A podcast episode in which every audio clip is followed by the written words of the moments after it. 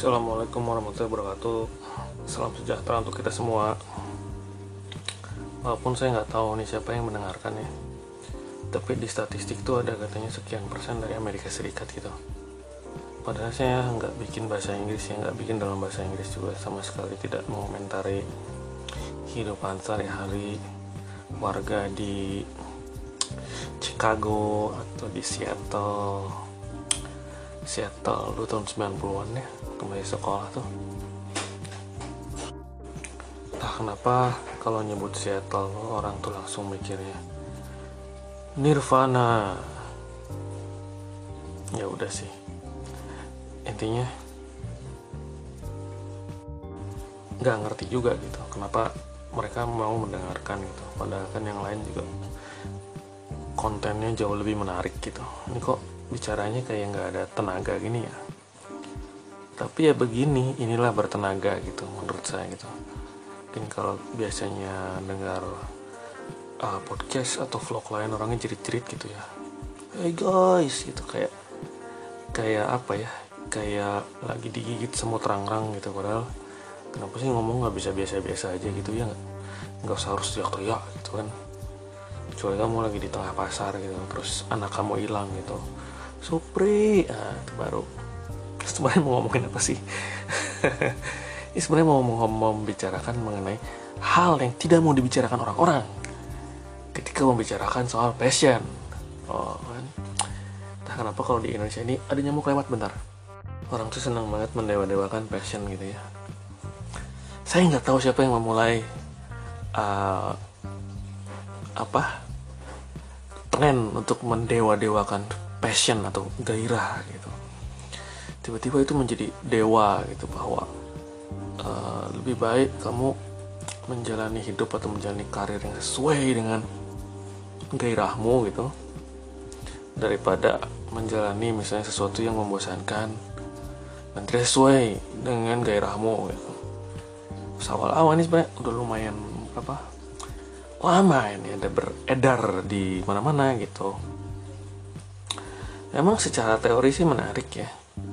Tapi yang bikin ini gitu mungkin dia berasal dari negara maju gitu yang mengenai ekosistem infrastruktur sistem sosial juga misalnya modal sosialnya itu kuat gitu untuk membuat seseorang tuh bisa menjalankan apa apa ya uh, apa yang menjadi gairahnya tapi kemudian juga hidup layak karena gairahnya itu gitu. Sebagai contoh misalnya ada orang yang gairahnya adalah memotret ulat bulu di dahan pohon gitu.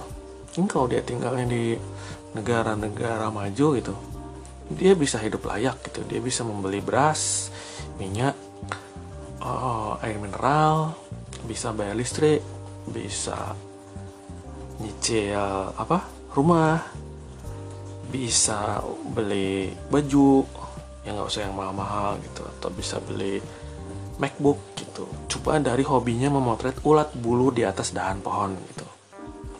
Tapi kalau di negara-negara berkembang itu bisa nggak sih? Itu kan yang menjadi pertanyaan sehingga akhirnya banyak orang dalam tanda kutip terjebak gitu. Uh, dia ingin mati-matian menjalani gairahnya gitu tapi di satu sisi uh, gairahnya itu tidak bisa membayar untuk hal-hal yang sangat mendasar itu untuk hal-hal primer di dalam hidupnya. Dan menurut saya ini berbahaya itu terutama jika misalnya ini dikhotbahkan kepada anak-anak anak-anak pemuda-pemuda pemuda-pemudi berusia 20 tahunan gitu yang masih mencari jati diri yang ingin misalnya apa ya ingin berkarya bla bla bla bla gitu tanpa menyadari itu bahwa eh, kesempatan atau misalnya papan seluncur atau misalnya titik tolak awal semua orang itu berbeda gitu. Nggak bisa disamain gitu. Dan inilah yang ada dalam apa ungkapan bahasa Inggris elephant in the room gajah di dalam ruangan gitu. Bahwa ada hal-hal yang bisa mendukung gairah kamu dalam bekerja atau misalnya kamu bisa berkiprah dalam bidang yang kamu sukai sekaligus juga dibayar tapi tidak pernah diomongin gitu ini nggak hanya sekedar bicara hal-hal yang abstrak gitu kayak misalnya dukungan dari keluarga dukungan dari teman. Tapi juga hal yang amat sangat penting yaitu uang. Ya kan? Sesuatu yang tidak pernah dibahas dalam seminar-seminar motivasi atau seminar-seminar misalnya. Webinar misalnya. Bagaimana cara membuat film? Atau bagaimana cara pendanaan untuk film? Misalnya gitu ya. Nah, saya pernah ikut beberapa webinar itu menjadi pendengar saja gitu. Saya malas bertanya gitu uh, secara teori itu menarik gitu. Cuma kan lucu gitu. Bagaimana cara uh, bagaimana cara mendapatkan pendanaan dari film itu kan bisa googling sendirilah atau cari rekamannya di YouTube gitu. Yang dibicarakan itu teori-teorinya atau atau pengalaman si pembicara gitu yang mana mungkin si pembicara itu adalah dari kalangan orang yang memiliki privilege atau hak istimewa gitu karena dia lahir dari keluarga berkecukupan dia besar di kota besar sekolahnya sekolah swasta yang bagus bisa berbahasa asing punya teman-teman yang memiliki akses kepada modal gitu sehingga bagi dia mencari dana untuk membuat filmnya itu contoh aja ya ini ini ini. Kalau kita bicara passion saya ambil contohnya film aja dulu gitu soalnya kalau bicara memotret ulat bulu itu saya nggak tahu. Saya belum punya teman yang berkiprah di bidang itu. Seolah-olah uh, mencari dana untuk bikin film itu semudah itu gitu. Kayak misalnya saya sering mendengar gitu kalimat tuh di dunia ini banyak sekali apa uh, yayasan-yayasan yang memberikan dana hibah. Untuk misalnya proyek-proyek film para pemula itu ada di Dubai ada di Tokyo ada di apa ada di Jerman, ada di Swedia ya sebutlah namanya terserah itu anda bisa menggoogle ini. Tapi yang membuat saya geli itu yang terlupakan adalah eh, ini tuh nggak sama kayak kita melamar kerjaan gitu. Kalau anda melamar kerjaan, apalagi di zaman serba di digital kan tinggal pencet-pencet aja gitu.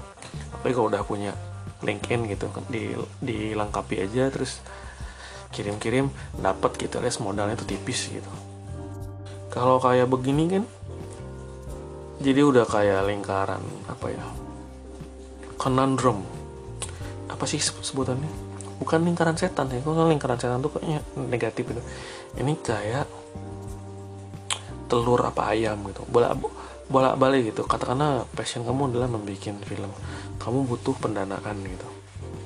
Dan untuk pendanaan kamu harus pitching katakanlah pitchingnya harus ke luar negeri. Lah emangnya kalau ke luar negeri tiketnya dibayarin apa sama panitia di sana? Enggak bayar sendiri. Fondasi bayar sendiri. Administrasi ABCD bayar sendiri. Lah itu duitnya dari mana? Emang bakal ada uh, sinterklas gitu yang memberikan? Enggak kan? Artinya apa? Mancing duit pakai duit gitu. Dan entah kenapa ini nggak pernah dibahas di webinar webinar soal passion gitu. Soalnya kalau dibahas tuh mungkin satu takut dianggap membosankan. Kedua takut dianggap mematikan gairah anak muda gitu. Padahal kalau menurut saya kan kalau ini tuh adalah kenyataan ya kita harus menyebutnya gitu. Jangan memberikan uh, angin surga gitu pada anak-anak muda. Seolah-olah semuanya itu semudah itu gitu. Seolah ya cukup punya ide yang bagus terus otomatis uang mengucur kepada anda. Enggak juga gitu. Mungkin kalau dicontoh yang lain juga banyak anak muda yang bela-belaan gitu. Ngejar passionnya gitu ngejar gairahnya gitu sampai akhirnya tipes atau sakit atau dia kerja di lingkungan kerja yang uh, tidak kondusif secara psikologis gitu. Cuma hanya demi mengejar gairah gitu. Mungkin kalau dia dari apa dari keluarga berkecukupan yang tidak butuh gaji bulanan nggak masalah. Tapi kan tidak semua orang seperti yang saya sebutkan dari awal itu punya titik tolak yang sama gitu. Ada kesenjangan. Gitu. Jadi sehingga intinya gini jangan ngajarin orang untuk jadi nggak realistis gitu. Anda anda sekalian yang privilege yang beruntung sukses gitu berbagi kisah silahkan. Berbagi petuah silahkan. Tapi harus dikasih disclaimer harus dikasih asterix gitu. Syarat dan ketentuan berlaku gitu karena memang sebagian besar saran-saran nasihat petuah bagi mereka yang sudah dianggap adiluhung dan sukses dalam gairahnya masing-masing gitu. Entah itu memotret ulat bulu memotret kancil mencuri ketimun atau memotret uh, macan yang sedang joget makarena gitu. Itu belum tentu bisa diterapkan pada orang lain gitu yang memiliki latar belakang yang berbeda gitu. Ya tapi kalau gitu webinarnya nggak laku dong. Iya bener justru yang saya cari itu webinar yang realistis gitu. Dan entah kenapa mungkin kalau di Indonesia ini orang-orang yang realistis itu disebutnya pesimis gitu. Padahal ya realistis ya realistis aja gitu. Kalau di hadapan kamu ada sekop dan adukan semen ya, ya saya akan menyebut itu adalah sekop dan adukan semen gitu.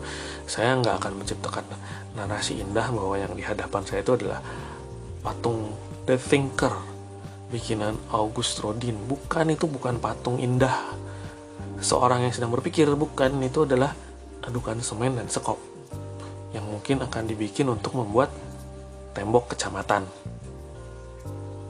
Dan sebenarnya nggak ada yang salah gitu kalau anda anda sekalian jadi orang yang realistis gitu melihat keadaan sendiri, keadaan sekitar gitu, malah jadinya ringan gitu. Justru ideologi ideologi pemahaman pemahaman apa ya, uh, kebebasan pribadi ini kan harus ditelaah sampai ke akar-akarnya dari mana sih asalnya gitu. Apakah yang namanya kebebasan pribadi untuk memilih ABC itu juga bisa diterapkan di masyarakat Indonesia yang komunal gitu. Dengan sistem ekonomi seperti begini. Itu kan jadi intinya jujur memandang diri sendiri gitu dan untuk kepada kaum-kaum privilege yang sedang menggampangkan gitu menceramahi orang-orang lain yang tidak seberuntung dirinya sih ya sama kayak beberapa podcast sebelumnya, saya akan mengakhirinya dengan kalimat Get off your high horse.